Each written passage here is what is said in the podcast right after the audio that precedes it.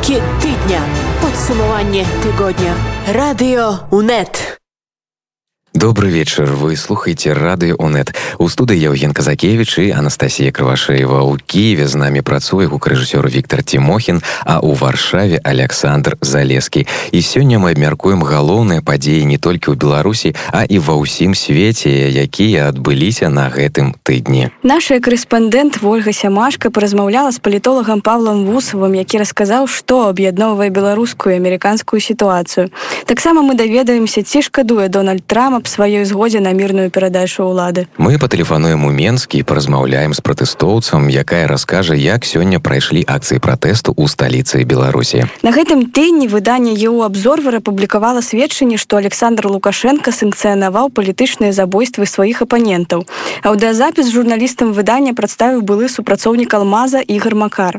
Падрабязней пра гэту гісторыю раскажа наша карэспандэнт Вольга Сямашка. А Іван Саванович падрыхтаваў рэпартаж пра распрацоўку рэформ для свабоднай беларусі якімі зараз займаюцца нацыянальнае антыкрызіснае ўправленне сумесна са штабам святланы ціхановскай. Мы патэлефануем варшаву адкуль ольга сямашка распавядзе нам пра галоўныя падзеі якія адбываліся на гэтым тыдні ў польшчы. Ну і канешне будзем слухаць добрую беларускую музыку. Ну а у кіеве зараз 12 гадзін дзве хвіліны ночы ў варшаве 11 і дзве хвіліны вечара а ў мінску гадзіна і дзве хвіліны ночы Вынікі тыдня. Падсумаванне тыгодня. Радыё УНэт. Ну а мы працягваем сачыць за сітуацыяй у ЗША. Дзеючы прэзідэнт ЗША Дональд Трамп шкадуе аб сваёй згодзе на мірную перадачу ўлады. Пра гэта паведамляе Нью-Йорк Таймс. За зачыненымі дзвярыма ён даў зразумець, што не пойдзе ў адстаўку і выказаў шкадаванне з нагоды таго, што ў чацвер выпусціў відэа, у якім гаворыцца пра мірную перадачу ўлады і асуджаецца гвалт у капітоліі. гаворыцца ў паведамленні. Беларуская прапаганда паспрабавала выкарыстаць падзеі ў Амерыцы ва ўласных інтарэсах. Сам Лукашенко адзначыў, што ў штурме капітолія ёсць нейкая несправядлівасць з боку трампа. Але гэта дрэнна, калі ідуць людзі на шторм і гінуць. Пасля гэтага Лукашенко заявіў: дрэнна, калі ў Беларусі ходзяць па нядзелях па вуліцах і заклікаў не дапускаць, каб пратэстоўцы цытата дабраліся да людзей у дамы.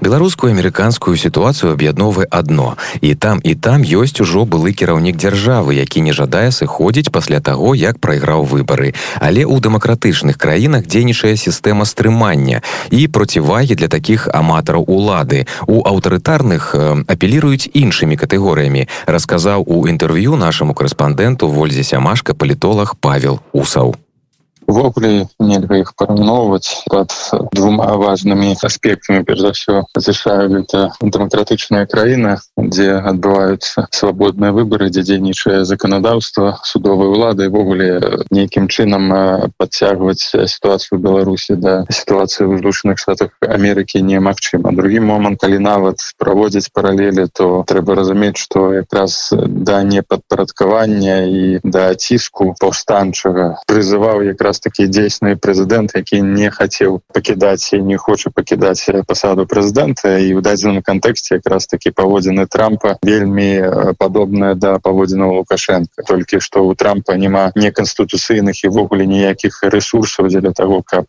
пратрымацца пры ўладзе крамя такого вулічнага лакальнага бунту. У беларусі мы бачым что лукашенко задзейнічаў не толькі маштабныя фальсіфікацыі але і брутальную сілу дзеля того каб захаваць сваю ладу і падавіць тыя пратэсты якія былі выкліканы якраз фальсіфікацыямі арганізаванымі дзейснай улады і персональна лукашенко там у дадзеным кантэксце паводзіну канешне трампа і лукашенко можна праводзіць паралелі але калі мы кажам про параўнанне сістэмаў канешне параўноўваць нельга бо ўсё ж таки дэмакратычная краіна дзейнічаюць абсалютна па іншых стандартах. Хотя канешне беларускія прапаганда ідэалогія будзе выконаць выкарыстоўваць гэтыя падзеі на сваю карысць. Перш за ўсё як прыклад того что паглядзіце уже дэмакратычныя краіны забіваюць людзей якія штурмуюць будынкі. Что вы хочаце ад нас мы таксама. Вось за парадак за тое каб бандыты якімі безумоўна пратэстоўцаў зробіць беларуская прапаганда то гэтыя бандыты імкнуцца неканстытуцыйна захапіць уладу. Хотя усе добра разумеюць что выборы былі сфальсіфікаваны то лукашенко з'яўляецца узурпатарам і тыранам. І нават 26гадовае кіраванне яго гэта адзін з тых прыкладаў якія сведчаць пра тое што ён ніхто іншы як дыктатор і нават калі зноў вяртацца да сша такога ввогуле ў гісторыі злучаных штатаў Амерыкі акрамя прэзідэнта рузвельта франкліна у перыяд другой сусветнай войны не было калі б прэзідэнты займаў пасаду больше двух тэрмінаў ці больш 8 гадоў. Лукашенко сядзіць пры ўладзе 26 год. Можна толькі падкрэсліваць что лукашенко стварыў монархічную тыранічную уладу якая абапіраецца на мілітарыскія структуры і фактычна тэрырызуе краін улічваючы што байден атрымаў свайго лукашэнку як зменіцца палітыка штата ў адносінах да беларусі яна стане больш жорсткай нават не казаў что трамп гэта амерыканскі лукашенко.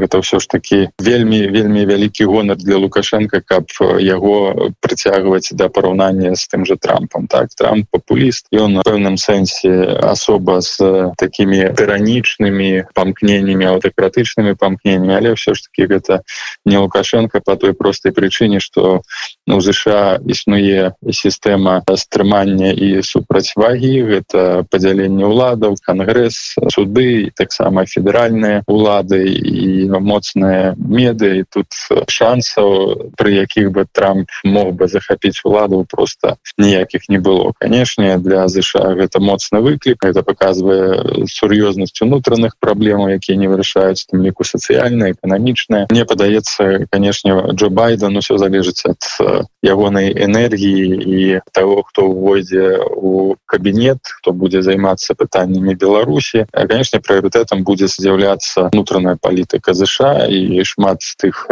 праблемных аспектаў якія засталіся пасля трампа у тым ліку адносіны з Китаем на блізкім усходзе. У лацінскай Амерыкі праблема венесуэлы не вырашана то бок для байдена ёсць і для новой адміністрацыі будзе бліжэйшая кола праблемаў Ну і конечно другое кола прыоритетаў якія будуць уваходзіць і Беларусі Россия і Украіна. Тут для дзейнасці даволі шмат важных пытанняў Ну але ну, ўжо маем два важных ключовых факта. Першае гэта тое что была прыняты акт про дэмакратыю які будзе безумоўна тым стратэгічным падыходам по якім будзе дзейнічаць новая адміністрацыя дачынення да лукашенко Ну і другі момант гэта запрашэнне ціхановскай на інаугурацыю что абсолютно неверагодна калі мы нават параўнаем палітычны кантэкст нават лукашенко ніколі не быў запрашаны на інаугурацыю амерыканскіх прэзідэнтаў наколькі я ведаю Пуціна ніколі там не было. А тут гэта сімвалічны крок вельмі важны для легітымізацыі альтэрнатыўнага руху для того что ЗША будуць надалей падтрымліваць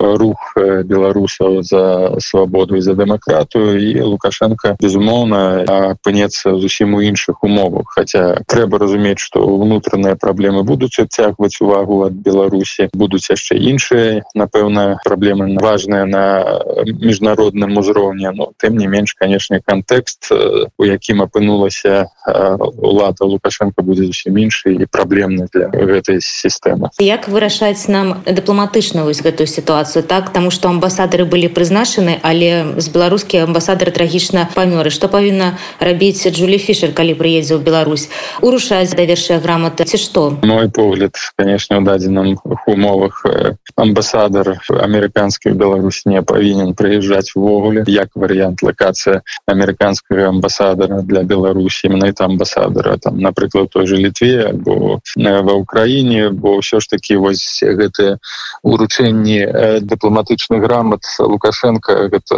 ўсё ж таки гульня на карысць дыктатара варта прыгадаць і нунцыя апостальскага ягоная умоўна кажучы пацісканне руки дыктатару выклікала такую хвалю. Не вельмі пазітыўных меркаванняў і ацэнак. І канешне для лукашенко ізноў і прапаганда будзе раскручваць гэта на сто процентаў показваючы што ЗША прызнаюць лукашенко легітымным прэзідэнтам асабліва калі дыпламатычны этыкет патрабуе таксама і паціскання руки і ўздым келіха з шампанскім это будзе ідэалагічна палітычна на карысць рэжыму больш таго што знаходжанне амбасадара ў беларусі значна не вырашыць нейкіх сур'ёзных унутраных праблем не зменіць сітуацыю у двух баковых адносінах выключна тут для беларускага рэжыма будзе значна больш карысці улічваючы той факт что межы і так для беларусаў на выезд зачынены я асабліва не бачу вялікага сэнсу у прысутнасці амерыканскага новага амбасадара. І трэба ж разумець что новый амбасадар прыедзе у перыяд найгоршага палітычнага крызісу беларусі у яе гісторыі. Гэта просто абсурд. Калі б там яшчэ амбасадар там прыехала полгады таму то гэта яшчэ б не выклікала столькі ну, не абурэння крытычнага адносіна. Там яшчэ сітуацыя была больш-менш стабільная перад выбарамі. Але прыезд амбасадара ў перыяд глыбокага палітычнага і нават гуманітарнага крызісу улічваючы той тэрор які разгортваецца ў беларусі ну по факце гуляе супраць злюшаных штатаў Амерыкі і на карысць лукашен А наколькі беларусі патрэбен амбасадару ЗША Таму што новую асобу яшчэ не вызначылі. Разумеется тут улічваючы той факт что э, адносіна настолькі пагоршаны что фактычна тупик узаемаадносінах паміж беларусію Росіі для беларусі безумоўна беларускага режиму перш за ўсё амбасадар патрэбна гэта зноўку уже будзе пазіцыянавацца як поспех знешняй палітыкі беларусі як прызнанне сістэмы як прызнанне легітымнасці палітычных інстытутаў беларускіх якія падтрымліваюць уладу як поспех знову дзейнасці міністэрства замежных справаў для самой беларусі для беларускіх грамадзянаў прысутнасць лукашэнкаўскага амбасадара у ЗША ніякай карысці мець просто не будзе А я нагадаю, што з палітолагам Паўлам Усавым размаўляла наша карэспандэнт Вольга Сямашка. Вынікі тыдня. Падсумаванне тыгодня. Радыё УНэт. Добрай ночы ў кіевскай студыі вынікі тыдня падводзім разам з вами я Яўген Казакевич і моя калега Анастасія Крывашеева. А зараз з намі на прамой сувязі з мінска будзе пратэстоец гэта Ганна. Ганна добрай ночы. Здравствуйте, здравствуйте, очень рада вас всех слышать. Взаемно. Ганна, расскажите, як сёння прайшлі нядзельныя маршы ў Мінску, я ведаю, што вы прымалі ўдзел. А, да, прошли сегодня марши, они перестали, как я думаю, вы знаете, быть, скажем так, организованными по времени, что, мол, все районы вышли в 12, потому что, ну, эта схема плохо работает, а протестующие учатся быстро. Вот, и они разные по количеству эти марши по районам, то есть есть такие совсем небольшие, где там 50 человек собралось, но сегодня, я думаю, что можно было в соцсетях, в Телеграме, например, увидеть э, марши некоторых районов, где, ну, прям было больше, я думаю, человек ну, короче, около тысячи, мне кажется, человек было. Для районных э, маршей на данном этапе это хороший результат. И, в общем, приятно, что вот эти дворовые похождения становятся больше, э, в них больше людей начинают принимать участие. Вот этот какой-то новый приток страха, как будто бы люди учатся бороть, вот, и выходят. Это приятно, здорово и красиво. А скажите, Ганна, ці можна сказаць, што пасля такога заціша навагодняга пасля святаў людзі зноў выходзяць больш масава на пратэсты? А, да, конечно, были праздники, многим нужно было отвлечься. То есть, с одной стороны, э, я знаю, что, в общем, бытовали такие мнения среди оппозиционно настроенных людей о том, что, конечно, нужно выходить на Новый год и так далее. И, с одной стороны, это звучит правильно, чтобы вообще как бы не давать режиму передышку, скажем так. Но, с другой стороны, как бы маску вначале на себя, потом на ребенка. В том смысле, что, ну, в общем, если не перезагружать мозги, не отвлекаться хоть на секундочку, то мы, в общем, устанем быстрее, знаю, сойдем с ума. Вот, поэтому многие брали перерыв на праздники, не знаю, наведать родных, э, съездить в лес, насладиться снегом, короче, как-то отдохнуть, немножко перезагрузиться и с новыми силами пойти в бой и ну, в общем, активность повышается. Надеюсь, что она повысится еще сильнее, и мы вернемся к каким-то летним э, картинкам на улицах. Ганна, скажите, я вось ведаю, что вы прымаеце удзел у розных флэшмобах. Ці можете вы рассказать про какие-нибудь? А, да, правда, принимаю. Смотрите, вот что могу рассказать. А, было на Белсате видео уже, по-моему, Кулару Куку передавали, что еще не, вышел, не вышло видео этого флешмоба, но Э, люди из разных районов собрались, э, чтобы сделать э, танец под Иерусалемом, который, ну, в общем, много разных районов делал это видео, и решили сделать такой общеминский, скажем так, танец. Вот. И очень круто было, что туда приехала несколько сотен человек э, из разных-разных районов с флагами своих дворов, районов, улиц. Их было огромное множество очень много людей, в общем, к этому долго готовились, там около 10 дней были репетиции и так далее, и очень круто, что, ну, мы все ждем это видео, и надеюсь, что оно будет потрясающе, вот, и очень круто, что это все удалось сделать безопасно, без задержаний, э, классно, удобно, весело, и круто приезжать куда-то и видеть несколько сотен человек в красно-белой одежде, все улыбаются, и какое-то такое в общем, классно поднимает дух, классное единение, очень круто. Многие говорят, что вот записи там всяких этих видео станций или, я не знаю, девочки зонтиками, или сегодня ребята в метро катались в красно-белых носках, что это типа неважно, потому что на режим как бы не влияет, но это важно для нас самих, это поднимает настроение. Мы видим, что протесты не заканчиваются, что люди э, там не все посели дома, как кто-то может считать. В общем, и это просто приятно, это ну, мотивация такая, что вот я не один, я не один, вот классное видео, здесь хорошо, здесь красиво, здесь классно, а пойдемте-ка выйдем на протест, а пойдемте-ка не покупать продукты Санта-Бремера, а пойдемте-ка делать что-то еще. В общем, мне кажется, это клево работает вот в этом смысле. Ганна, скажите, а як зараз паводзяць сябе сілавікі ў дачыненні да пратэстоўцаў? Э, слушайте, ну вот из интересных фактов они на, ну то есть из моих личных наблюдений, из того, что вот мы общаемся между собой, они сейчас стали сильно опаздывать. В общем, так как э, протесты чуть меньше по времени и они никак не объявляются уже, э, то есть, ну понятно, что нет четырех часовых загулов и нет сборов там в определенных точках, то есть они особо не знают, куда идти. Они пытаются дежурить везде и вся, но в основном на марше они не успевают, приезжают не туда. И, ну, нам это приятно. Вот. Раздражает, что их стало очень много на легковых машинах. То есть мы меньше видим там бусы, автозаки или что-то такое, и кажется, как будто их нет в городе. Но даже там сегодняшние задержания зачастую происходит, что люди едут просто в легковой машине, останавливаются и забирают. Что выглядит, ну, совсем по-бандитски, то есть ты морально как-то подготовился, что люди из бусов это вроде как силовики, а люди из легковых машинах, ну, правда, выглядит как вообще похищение, и, в общем, нужно к этому перестроиться. Но при этом, например, можно наблюдать на некоторых местах, некоторых дворах, где есть постоянные патрули, что некоторые э, работники, я так понимаю, это милиционеры, они ходят вообще без масок. Ну, то есть не то, что не в балаклавах, а они начали снимать маски. Вот. Мы пытаемся понять, почему. Э, зразумела дзякую вам Ганна я нагадаю что на прамой сувязі з мінску з намі была пратэстовец Ганна поспехова і жыве Беларусь вынікі тыдня подсумаванне тыгодня радыё унет На гэтым тыдні выданне еўабзорвер апублікавала сведчанне, што Лукашенко секцыянаваў палітычныя забойствы сваіх апанентаў. У прыватнасці ў расстрэльны спіс патрапілі тры былыя супрацоўнікі сілавых ведомстваў Беларусі і расійскі палітолог Андрей Суздальцаў і журналіст Павел Шарамет. Апошні быў забіты ў Киеве 5 год таму. Аўдазапіс журналістам выдання прадставіў былы супрацоўнік э, спецпадраздзялення Алмаз і гармакар. Вольга сямашка падрабязней пра гэтую гісторыю. Уласна кажучы у панядзелак з'явілася аўдыопацверджанне таго пра што многія беларусы здагадваліся абмяркоўвалі але да гэтага часу не мелі ніякіх доказаў. А дакладней што рэжым лукашэнкі фізічна знішчае сваіх апанентаў. 24 хвіліны чалавек з голасам падобным да экс-кіраўніка кДб вадзіма зайцева. Дарэчы у тых хто ведаў зайцева асабіста няма сумненняў што голас належыць менавіта яму.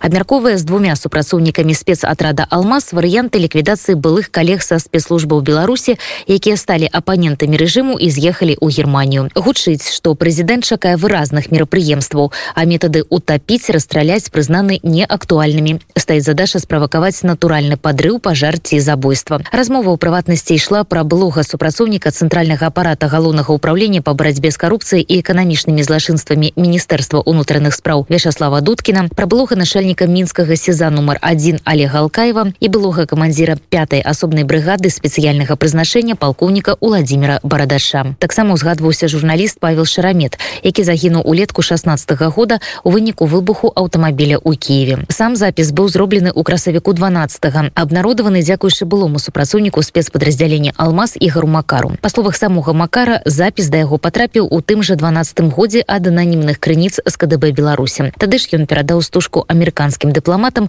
каб выратаваць жыццё олегу алкаеву расказаў макар на youtube канале расійскага палітолага владимира балкунца я непосредственно из-за олега алкаева обратился к американским дипломатам. Уверен что было сообщено американской стороной в германию по поводу олега алкаева бардача и дудкина И также я уверен, что было сообщено и в Российскую Федерацию по поводу Павла Шеремета. Андрей Иванович Сурульцев э, в той записи не озвучен, но у меня есть неопровержимое доказательство того, что именно он был в тех списках, о которых я говорил непосредственно с Павлом Шереметом. То, что Олег Алкаев, Суткин, и Бородач и Судульцев сейчас живы, я думаю, что это сыграло свою роль. Но, к сожалению, нет Павла Шеремета. И здесь, наверное, скажу так, что анализировав сам ту запись и разговаривая с людьми, которые до сегодняшнего дня находится в спецслужбе. Именно Павел Шеремет очень сильно раздражал Лукашенко. И я думаю, что здесь, наверное, это и сыграло свою роль, потому что в Беларуси чиновники и управляющие спецслужб меняются, но оставленные задачи, к сожалению, остаются теми, которые они были. Вынікі гэтай публікацыі не прымусілі сябе доўга чакаць. Паліцыя Украіны паведаміла што гатова да правядзення следчых дзеянняў з макарам наконт забойства шарамета але халкаю збіраецца звяртацца ў праваахоўныя органы Геррманіі пра падобную заяву ў расійскую паліцыю думае Андрей суздальцу. Па словах макара гэтых дзеянняў будзе дастаткова каб унесці КДБ у спіс тэрарыстычных арганізацый а самога лукашенко прызнаць міжнародным тэрарыстам. Мы очень надеемся на то что и Олег Алкаев и Андрей Сузальцев сделают такие заявления. То, что эти заявления будут рассмотрены. И наша основная задача — это добиться того, чтобы такие организации, как КГБ или там ГУБОПИК, были признаны именно террористическими. Но я здесь скажу то, что Конгрессом США было рассмотрено о внесении группы антитеррора Альфа Комитета госбезопасности в именно под санкции, и они уже под санкциями находятся 100% личного состава сил подразделения. Поэтому я думаю, что это возможно. Наша самая основная на сегодняшний цель, э, чтобы все мировое сообщество, именно все мировое сообщество именно признало Лукашенко террористам. И весь его диктаторский режим террористический. Падрабязнасці размовы ў кабінеце шэфа КДБ лягуць у аснову другой кнігі расстрэльная каманда выданне якой рыхтуе але халкаю нагадаю першая частка побачыла свет у 2006 годзе яе рэдактарам якраз быў павел шарамет. Для тых хто не чытаў электронная версія расстрэльнай каманды знаходзіцца ў свабодным доступе на сайце народнага трыбунала там же абяцаюць размясціць і працяг пра сітуацыю распавяла ольга сямашка Вынікі тыдня. Падсумаванне тыгодня. Радыё УНэт. У 2017 годзе журналісты-расследнікі з праекта следства інфа выпусцілі фільм забойства Паула. Ганна Бабінец, адна з аўтараў фільма ў размове з нашым карэспандэнтам Анастасіяй Крывашеевай адзначыла: Тады версія аб дачыненні беларускіх спецслужбаў або нейкіх людзей з Беларусі адпрацоўвалася, але следства не змагло знайсці гэтаму пацвярджэнне. Найбільший результат нашого розслідування був той, що на той момент поліція багато речей не опрацьовувала, випускала, не працювала над версіями добре, не допитувала важливих свідків на нашу думку, які могли би допомогти розкрити це вбивство. Зокрема, ми знайшли на місці підготовки машини Павла до прикріплення вибухівки. Поруч знаходився працівник української спецслужби, колишній працівник на той момент. Ми знайшли цю людину, ідентифікували, поставили питання, зробили інтерв'ю. І це на нашу на нашу думку це було достатньо важливе, тому що крім цієї людини. Він якісь там свою версію дуже дивно казав, чого він там опинився, але його машина стояла біля місця закладання вибухівки близько 4 годин. Виглядало, що він стежить за тим, що відбувається. Він не зміг надати якихось нормальних пояснень, що він там робив. Поліція дізналася про цю людину після нашого фільму. Потім його допитали. Але з того, що ми зрозуміли, нормальної ніякого розвитку ця версія не мала. Для нас це досі дуже цікаво, чи могла бути причетна Українська служба безпеки або люди з неї якимось чином до виконання або замовлення вбивства. Ми, як журналісти, в принципі, як і все суспільство, досі не знаємо відповіді, але певні факти з наших розслідувань говорять, що багато таких дивних речей, в яких з'являється служба безпеки України. Наскільки мені відомо, українська поліція розглядала версію Білорусі також. Були певні напрацювання, наскільки я знаю, Ще на самому початку намагалися українська поліція зв'язатися з білоруською, якісь там запити а, писали. Але ну з того, що я знаю, це не було сильно успішним, тому що не сильно легко співпрацювати з білоруською поліцією. Ті наші знахідки, які ми як журналісти зробили, вони мені здається ніяк не суперечать, не конфліктують, якщо все таки замовлення відбулося з Білорусі. Якщо ті плівки, які зараз е, сплили з білоруського КДБ, якщо вони мають місце, вони правдиві. Е, то білоруським спецслужбам потрібні були виконавці в Україні, і ми цілком можемо припускати, що колишні спецслужбовці українські могли якимось чином допомагати. Це мав бути хтось надійний для білоруського замовника виконати це замовлення, якщо ця версія знайде і далі підтвердження. Скажіть, ось адвокати і оборона увогуле Андрея Антоненко, які з'являються підозрюваним по гэтай справе, стверджає, що поліція ніколи не розглядала білоруський слід у гэтай справі, і що увогуле не було такої версії. А, насправді є кримінальна справа, справа з розслідування вбивства яка зараз перебуває на руках в адвокатів, деяких журналістів, і в ній виділений тільки шматок тих розробок поліції, яка стосується цих трьох обвинувачуваних зараз: Антоненко, Кузьменко і Дугар. Тобто, це невеликий шматок справи. 38 томів. Я теж їх бачила, я теж їх читала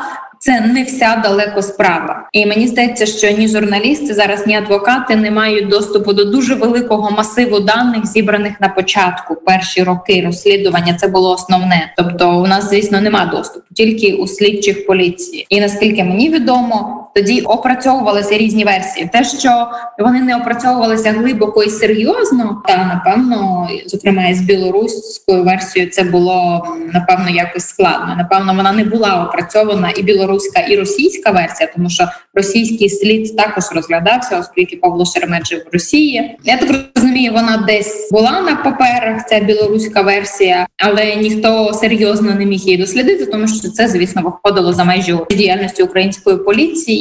Міністерство внутрішніх справ України сцвярджае аб тым, што аўдазапіс, які быў апублікаваны, ніяк не супярэчыць версіі следства, якая зараз э, прызнаецца галоўнай, па якой ёсць абвінавачаны у гэтым накірунку. Як вы думаеце, ці можа аднавіцца нейкае следства, з'явіцца новыя падазраваныя? На мою думку, що все таки, якщо вбивство Павла Шеремета було замовлено з Білорусі і виконувалося на замовлення високопосадовців з Білорусі, а це все таки трохи конфліктує з тими людьми, які зараз затримані. Є серйозний конфлікт мотив. Троє обвинувачуваних зараз, яких обвинувачують у виконанні. Це Антоненко, Кузьменко, Дуглер. Перший мотив їх був, який їм поліція пред'являла, що мотивом вбивства були там расова якась там ненависть, якісь там расові мотиви, що ніби захопившись ультранаціоналістичними ідеями, ці люди вирішили вбити Павла Шеремета. Потім зрозумівши, що версія звучить трошки безглуздо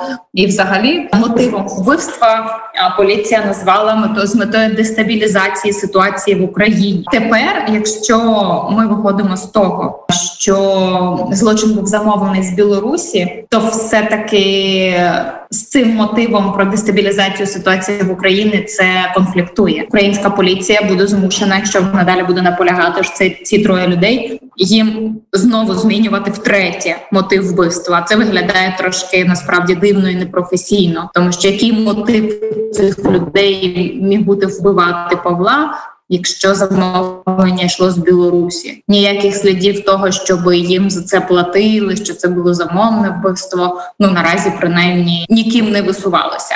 Тому, звісно, можливо, наша поліція може все можливо, будуть намагатися притягнути. Замовників до виконавців і якось це все разом зробити. Я цього не виключаю, що наша поліція винахідлива, вона може спробувати це зробити. Але для мене це виглядає чесно кажучи, непереконливо, тому що якщо замовлення прийшло з Білорусі, виконували його українські там волонтери, добровольці. Який був мотив? Бо це найголовніше питання. Як буде ця поліція поєднувати і доводити? я не уявляю ігор макар які ее тым чалавекам які прадставіў гэты аўдыозапіс сцвярджае што ён можа прыехаць ва ўкраіну і калі спатрэбіцца ў суде даваць нейкія сведкі ці магчымае запрошванне ўвогуле прокуратуры Украіны да гэтага а з того що я вчора читала з заяв національної поліції що українські слідчі можуть виїхати допитати чи вже допитали цю людину за кордоном а наскільки мені відомо також можна давати свідчення в суді по відеозв'язку, як мені здається, не обов'язково йому приїжджати в Україну, тому що я не впевнена, що це супербезпечно. Я впевнена, що ці свідчення будуть дуже цінними, але наскільки в них зацікавлена прокуратура, поліція, яка все таки далі продовжує розслідувати цю справу, я не знаю. Насправді було би дуже цікаво, щоб хоча б частина цих свідчень була публічною чи опублікованою, тому що це може суттєво змінити розслідування для української поліції. Дня смерті Павла Шрамета пройшло вельмі шмат ужо год і следства цягнецца дагэтуль і вось гэта ўдазапіс з'явіўся толькі цяпер ці можа сам факт того что столькі год гэта інфармацыя хавалася вызываць нейкія подозрения так може викликати підозри тому що якби ця інформація була відома до вбивства Павла, можливо, цього вбивства вдалося було уникнути. Ніхто цього не знає. Ми не можемо сказати цього точно, але принаймні Павло би про це знав, його сім'я би про це знала, його би друзі про це знали. Тому що одна історія просто підозрювати, інша історія мати підтвердження і розуміти, як можна протистояти втіленню а, таких намірів. Те, що це зараз з'являється, так я чую аргументи білоруської сторони, що це з'являється. Ну я маю на увазі тих, хто тих, хто цей запис оприлюднив. А, І ці аргументи виглядають логічно, що зараз є велике обурення людей щодо влади в Білорусі знову піднімаються питання злочинів проти опозиційних діячів, вбивства опозиційних діячів з боку діючої білоруської влади з боку Лукашенка. Ці всі питання, які ставить білоруське суспільство до свого керівництва, вони справедливі. А я нагадаю, што за адной з аўтараў фільма забойства Паўла Ганна і бабінец размаўляла наша корэспандэнт Анастасія Крывашеева. Вынікі тыдня, падсумаванне тыгодня, радыё УНэт.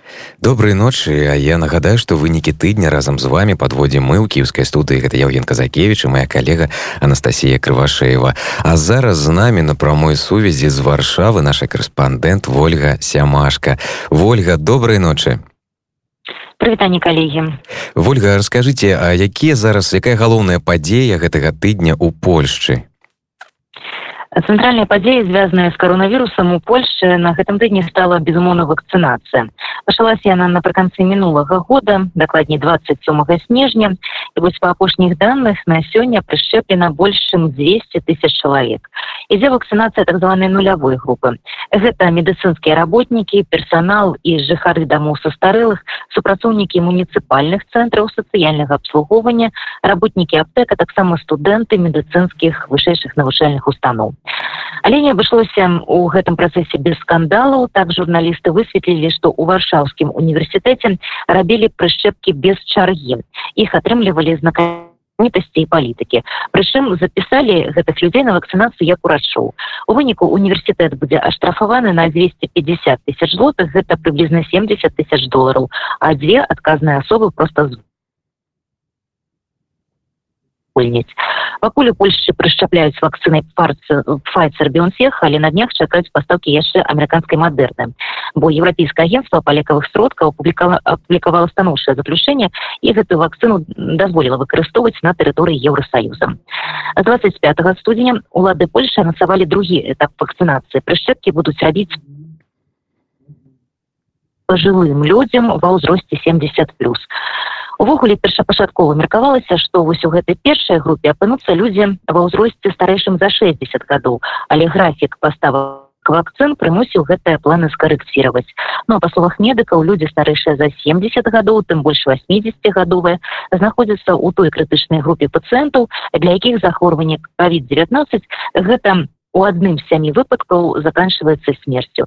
А значыць абавязкам дзяржавы і абавязкам усіх установ аховы здароўя з'яўляецца такая арганізацыя прышчэпак каб у першую чаргу абараніць гэтых людзей.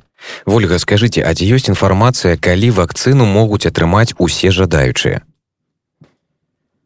А так такая інфармацыя ёсць і вось згодна з нацыянальнай праграмай якая распрацавана ў Польше вакцынацыя насельніцтва ідзе ў некалькі этапаў. Спачатку нулявая група як я казала гэта медыкі затым пенсіянеры а затым будуць прышчэпліваць прафесійныя групы гэта настаўнікі соцработнікі сілавікі а таксама сюды ж трапяць асобы з групай рызыкі гэта хворыя на цукровы дыабет занка захворваннямі ну а пасля уже ўсе жадаючыя і ўлады першапачаткова анансавалі што з 15 студзеня пачынаецца запіс на прышчэпкі а так любы жадаючы зрабіць прышчэпку ад кавід 19 можа зарэгістравацца по гарачай тэлефоннай лініі акрамя таго можна запісацца на прыём у мясцовай паліклініцы альбо праз электронную форму на афіцыйных сайтах. Рэгістрацыя ідзе на пэўную дату і на пэўны час записанные грамадзяне будуць праходзіць вакцынацыю у медыцынскіх установах по месцы сваёй прапіскі прышэпкі будуць рабіць у два этапы на бясплатнай і добраахвотнай аснове усім каго прышчэпяць будуць выдаваць спецыяльную даведку ці электронны код які якраз будзе пацвярджаць такі факт вакцынацыі. І і плануецца што маючы такое пацверджанне можна будзе абыходзіць абмежаванне звязанае з кавідам. Да прыкладу можна будзе падарожнічаць а ці па прыездзе ў іншую краіну не сядзець на каранціне. Прычым замежным грамадзянам у тым ліку і беларусам якія жывуць у Польшчы прышчэпка будзе рабіцца так як і палякам бясплатна. Трэба толькі прад'явіць документ на аснове якога чалавек знаходзіцца на тэрыторыі Польшчы гэта можа быць ці дамова аб навучанні ці карта пабыту ольга вы зараз лакдауны ў кіеве і ў варшаве як мы ведаем. А якія абмежавальныя меры звязаныя з каранавірусам зараз дзейнічаюць у Польшчы Ну як ты заўважыў сапраўды лакдаун до 18 студзеня працягваецца агульны нацыянальны карантин закрытыя гандлёвыя цэнтры і ўсё што не звязана з першай неабходнасцю. У рэстарацыях ці кавярнях ежу можна заказваць на вынос. Улады папярэдзілі што ўсё гэта неабходна для таго каб пазбегнуць трэцяй хвалі эпідэміі сутачным прыростам до 40 тысяч выпадкаў заражэння каронавірусам. У горшым выпадку гэта ад 5 200 до 6 до 60 тысяч хворых. Такой нагрузки польская система аховы здоровья просто не вытрымае гэта разумеется абсолютно всем. І вось что будзе ўжо пазней за гэты час пазней за 18 студзеня чыноўнікі пакуль сказать не могуць у гэтым годзе у сувязі з коронавірусам упершыню ва ўсіх ваяводствах Польши школьныя канікулы праходзяць у один і той же час з 4 і по 16 студзеня улічваючы что калядныя святы у канцы снежня таксама былі непрацоўнымі днямі можна сказаць что дзецям сёлета пашанцавала яны ў школу не ходзіць амаль месяц. Рашэнне пра тое ці вернуцца польскія малодшыя школьнікі за парта пасля заканчэння вакацыі таксама пакуль яшчэ не прынята у міністэрстве здароўя чакаюць панядзелка каб паглядзець і ацаніць якім жа будзе ўзровень захворвання раней большасць палякаў падчас навагодніх святы школьных вакацый ездзіла ў горы катацца на лыжах. Зараз у сувязі з коронавірусам лыжныя трасы закрыты. Але там не менш на горна-лыжных курортах шматлюдна сёння вось я бачыла кадры закапана там добрае надвор'е снежна і таму людзі прыехалі просто пагуляць і пакатацца на санках. Шматлюдна таксама і ў цэнтры варшавы людзі гуляюць фотаграфуюцца нягледзячы на усе заклікі ўлады сядзець дома і не збірацца больш чым па 5 чалавек. Дякую ольга беражыце сябе. А я нагадаю што на прамой сувязі з варшавы пра галоўныя навіны тыдня расказала нам ольга сямашка. Вынікі тыдня.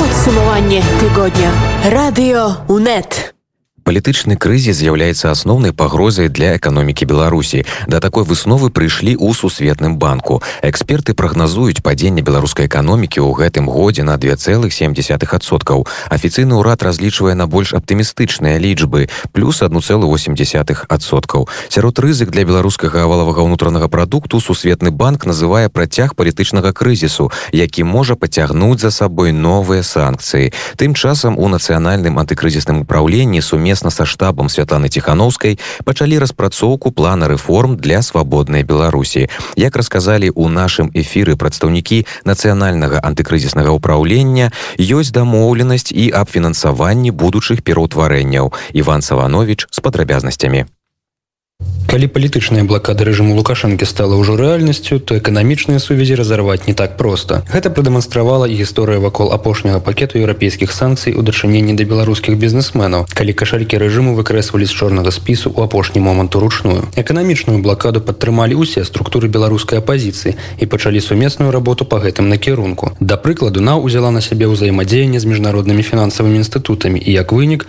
Беларусь сёння адрэзана ад выгадных пазык расказаў яўген буры які адказвае ў народным антыкрызісным кіраванні за эканамічныя і фінансавыя пытанні. В начале декабря нами был разработан и обнародован план по экономике и финансам. Это была наша основная задача. Его цель в первую очередь приблизить переходный период и снизить ущерб от действий нелегитимной власти. Для этого мы принимаем все меры, чтобы перекрыть все каналы финансирования режима, выявляем коррупционные схемы, так называемые кошельки режима и принимаем, в общем-то, все меры по недопущению наращивания новых долгов. Призываем кредиторов пересматривать старые долги и на всех уровнях, в общем-то, стараемся объяснять, что иметь дело с режимом нельзя. Таксама важнай часткай эканамічнага ціску з'яўляецца і спыненне фінансавання розных праектаў, пакольку невядома, на што дакладна ідуць выдзеленыя грошы. На гэту праблему звярнуў увагу прадстаўнік нау па міжнародных пытаннях Анатоль Котаў мы вельмі удзячныя нашим міжнародным партнёрам з боку фінансавых арганізацый тому что яны адны з першых зразумелі что медавіта таким чынам можна выказаць падтрымку беларускаму грамадству. Это значыцца прыпыніць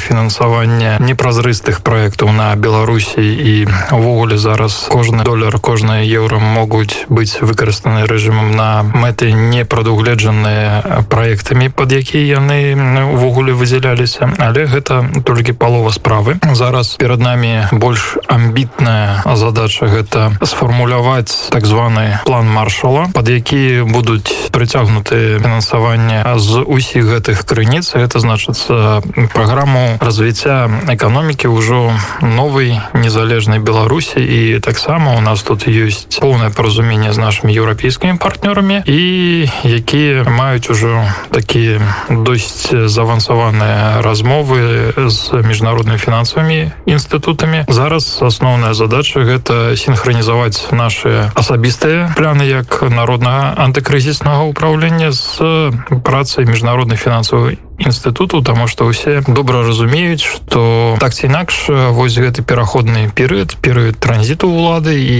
пасля яны будуць вельмі цяжкія тому что зараз нелегітымная ўлада робіць усё магчымае каб можна сказать фінансава разбурыць краіну калі нават дагэтуль эканамічная і фінансавая палітыка і будаванне гаспадаркі былі не ў найлепшым стане то зараз гэта просто можна упрост казаць аб разбурэнні гаспадаркі Рэспублікі Беларусь. І гэта напэўна адзінае з абяцанняў якое лукашенко датрымае гэта тое что Беларусь нікому цёпленькай не дастанецца на жаль. Перакрыццё фінансавых потокаў ужо негатыўна адбіваецца на эканоміцы Беларусі якая сутыкнулася са стагнацыяй вялізным дэфіцытам бюджэту і складанасцямі з рэфінансаваннем дзяржаўнага доўгу. Таму у нау паралельна ідзе работа над пакетам мер па змякчэнню наступстваў і паскарэнні выхаду з крызіснага стану. Але ўжо у новай беларусі. Па словах анатоля котова краіны захаду салідарныя з беларусамі і гатовы дапамагчы пазбегнуць дэфолту а таксама выдзеліць сродкі на неабходныя рэформы. Мы спадзяемся что мы вытрымаем без дэфолту. Менавіта гэтаму прысвечаныя наши працы з еўрапейскімі амерыканскімі партнёрамі і міжнароднымі фінансавымі інстытутамі каб атрымаць вось тыя хуткія грошы ў якасці пазыкі каб Рэспубліка Беларусь пазбегнула дэфолту. Адной з наших найважнейшых дамоўленасцяў ведаў что адразу пасля так званага адлёту самалёту беларуская дзяржава атрымае вельмі хуткую пазыку каб вось менавіта пазбегнуць дэфолту і перажыць некалькі месяцаў да новых выбараў каб ужо новая дэмакратычна абраная легітымная ўлада змагла працаваць далей над больш доўгатэрміновымі праектамі і мы тут будзем таксама дапамагаць у якасці экспертаў як далей беларусі прыцягваць капітал і самое галоўнае не марнаваць яго тому что за 26 год 116 мільярдаў даляраў якія мы атрымалі ад Росіі яны былі ну можна сказаць праедзеныя вельмі яскравы доказ таму як у двукосі прафесійна команда лукашэнкі кіравала гаспадаркай краіны адказваючы на пытанне на што ў першую чаргу накіруюць фінансы яўген буры адзначыў неабходнасць падтрымкі людзей якія могуць апынуцца ў цяжкім становішчы падчас рэформ у тым ліку і страціць працу пасля закрыцця нерэнтабельных прадпрыемстваў. У нау робяць стаўку на развіццё дзелавой ініцыятывы Гэта менавіта тое, што шмат гадоў абяцае рэжым лукашэнкі, але далей за абяцанні справа не пайшла. Реформы в нашем понимании в первую очередь должны быть направлены на соблюдение интересов людей. То есть эти деньги, которые будут саккумулированы, э, естественно, что часть этих денег пойдет на поддержку людей. То есть поддержку тех людей, про которых сегодня режим забыл, э, поддержку тех людей, которых сегодня режим решил дополнительно обобрать и обокрасть, то есть подняв на налоги, в том числе на лекарства. Вполне вероятно, что какая-то численность убыточных предприятий, там неэффективных предприятий будет освобождаться. Вот поэтому нам важно этих людей, конечно, поддержать. До того времени, когда а, они сами смогут строиться в новые экономические реалии. И одна из ключевых задач по структурной реформе Беларуси – это раскрепощение вот именно бизнеса, деловой инициативы. То есть упразднение всех ненужных требований, которые сегодня существуют бюрократических. Мы рассматриваем рассматриваем вопрос вплоть до полного освобождения от налогообложения. На какое-то время, конечно, мы будем думать, как именно это должно произойти, но вполне вероятно, что нужно вводить просто налоговые каникулы, особенно для малого, для среднего бизнеса. Напрыканцы размовы Яўген Буры таксама раскрыў таямніцу, хто плануе інвесціраваць у эканоміку свабоднай Беларусі. Па яго словах, ужо зараз вядзецца актыўная работа з дыяспорамі ў розных краінах свету. Мы сейчас работаем, плотно работаем с диаспорами над тем, чтобы уже на данный момент, даже несмотря на существование нынешнего режима, мы уже занимаемся активным поиском инвесторов на конкретное предприятие. Ну, условно, развита металлургия хорошо в Канаде и США. Сегодня мы совместно с диаспорами прорабатываем все варианты для того, чтобы эти инвесторы рассказать им о возможностях, которые есть в металлургии в Республике Беларусь, и заранее с ними проработать конкретные кейсы. То есть, условно, для того, чтобы все работники металлургии могли войти в последующем по состав международных профсоюзов для того, чтобы инвестор четко понимал на данном этапе уже сейчас, какие предприятия у нас существуют, какой есть потенциал. Эти предприятия могут быть встроены в международные товарные цепочки, международные товарные отношения. Рэпартаж падрыхтаваў наш корэспандэнт Іван Саванович. А я нагадаю, што ў кіеўскай студыі радыёнет з вами былі я Евген Казакевич, моя калега Анастасія Крывашеева. Мы дзякуем нашим корэспандэнтам Вользе Сямашка Івану Саваневичу, бажэння жолудь. Вялікі дзякуй нашай камандзе якая дапамагла падрыхтаваць эфір. Гэта павал караліна і гукарэжысёр Віктор тимохін які дарэчы сёння адсвяткаваў свой дзень народзіну мы Віктор віншуем цябе ад усяго калектыва радыёнет жадаем табе моцнага здароўя і поспехаў. І асабліва я ганаруся тым што у мне ёсць магчымасць працаваць такім прафесіяналам як ты. І я спадзяюся што Александр залескі ў нашай варшаўскай студыі таксама далучаецца да віншаванняў. Подписывайтеся на радыёнету фейсбуку на канал ты тэлеграме які называется радыёнет і слухайте нас кожную раніцу. Ну а мы перадаем слова нашай варшаўскай студыі развітваемся з вами. Беражыце сябе жыве Беларусь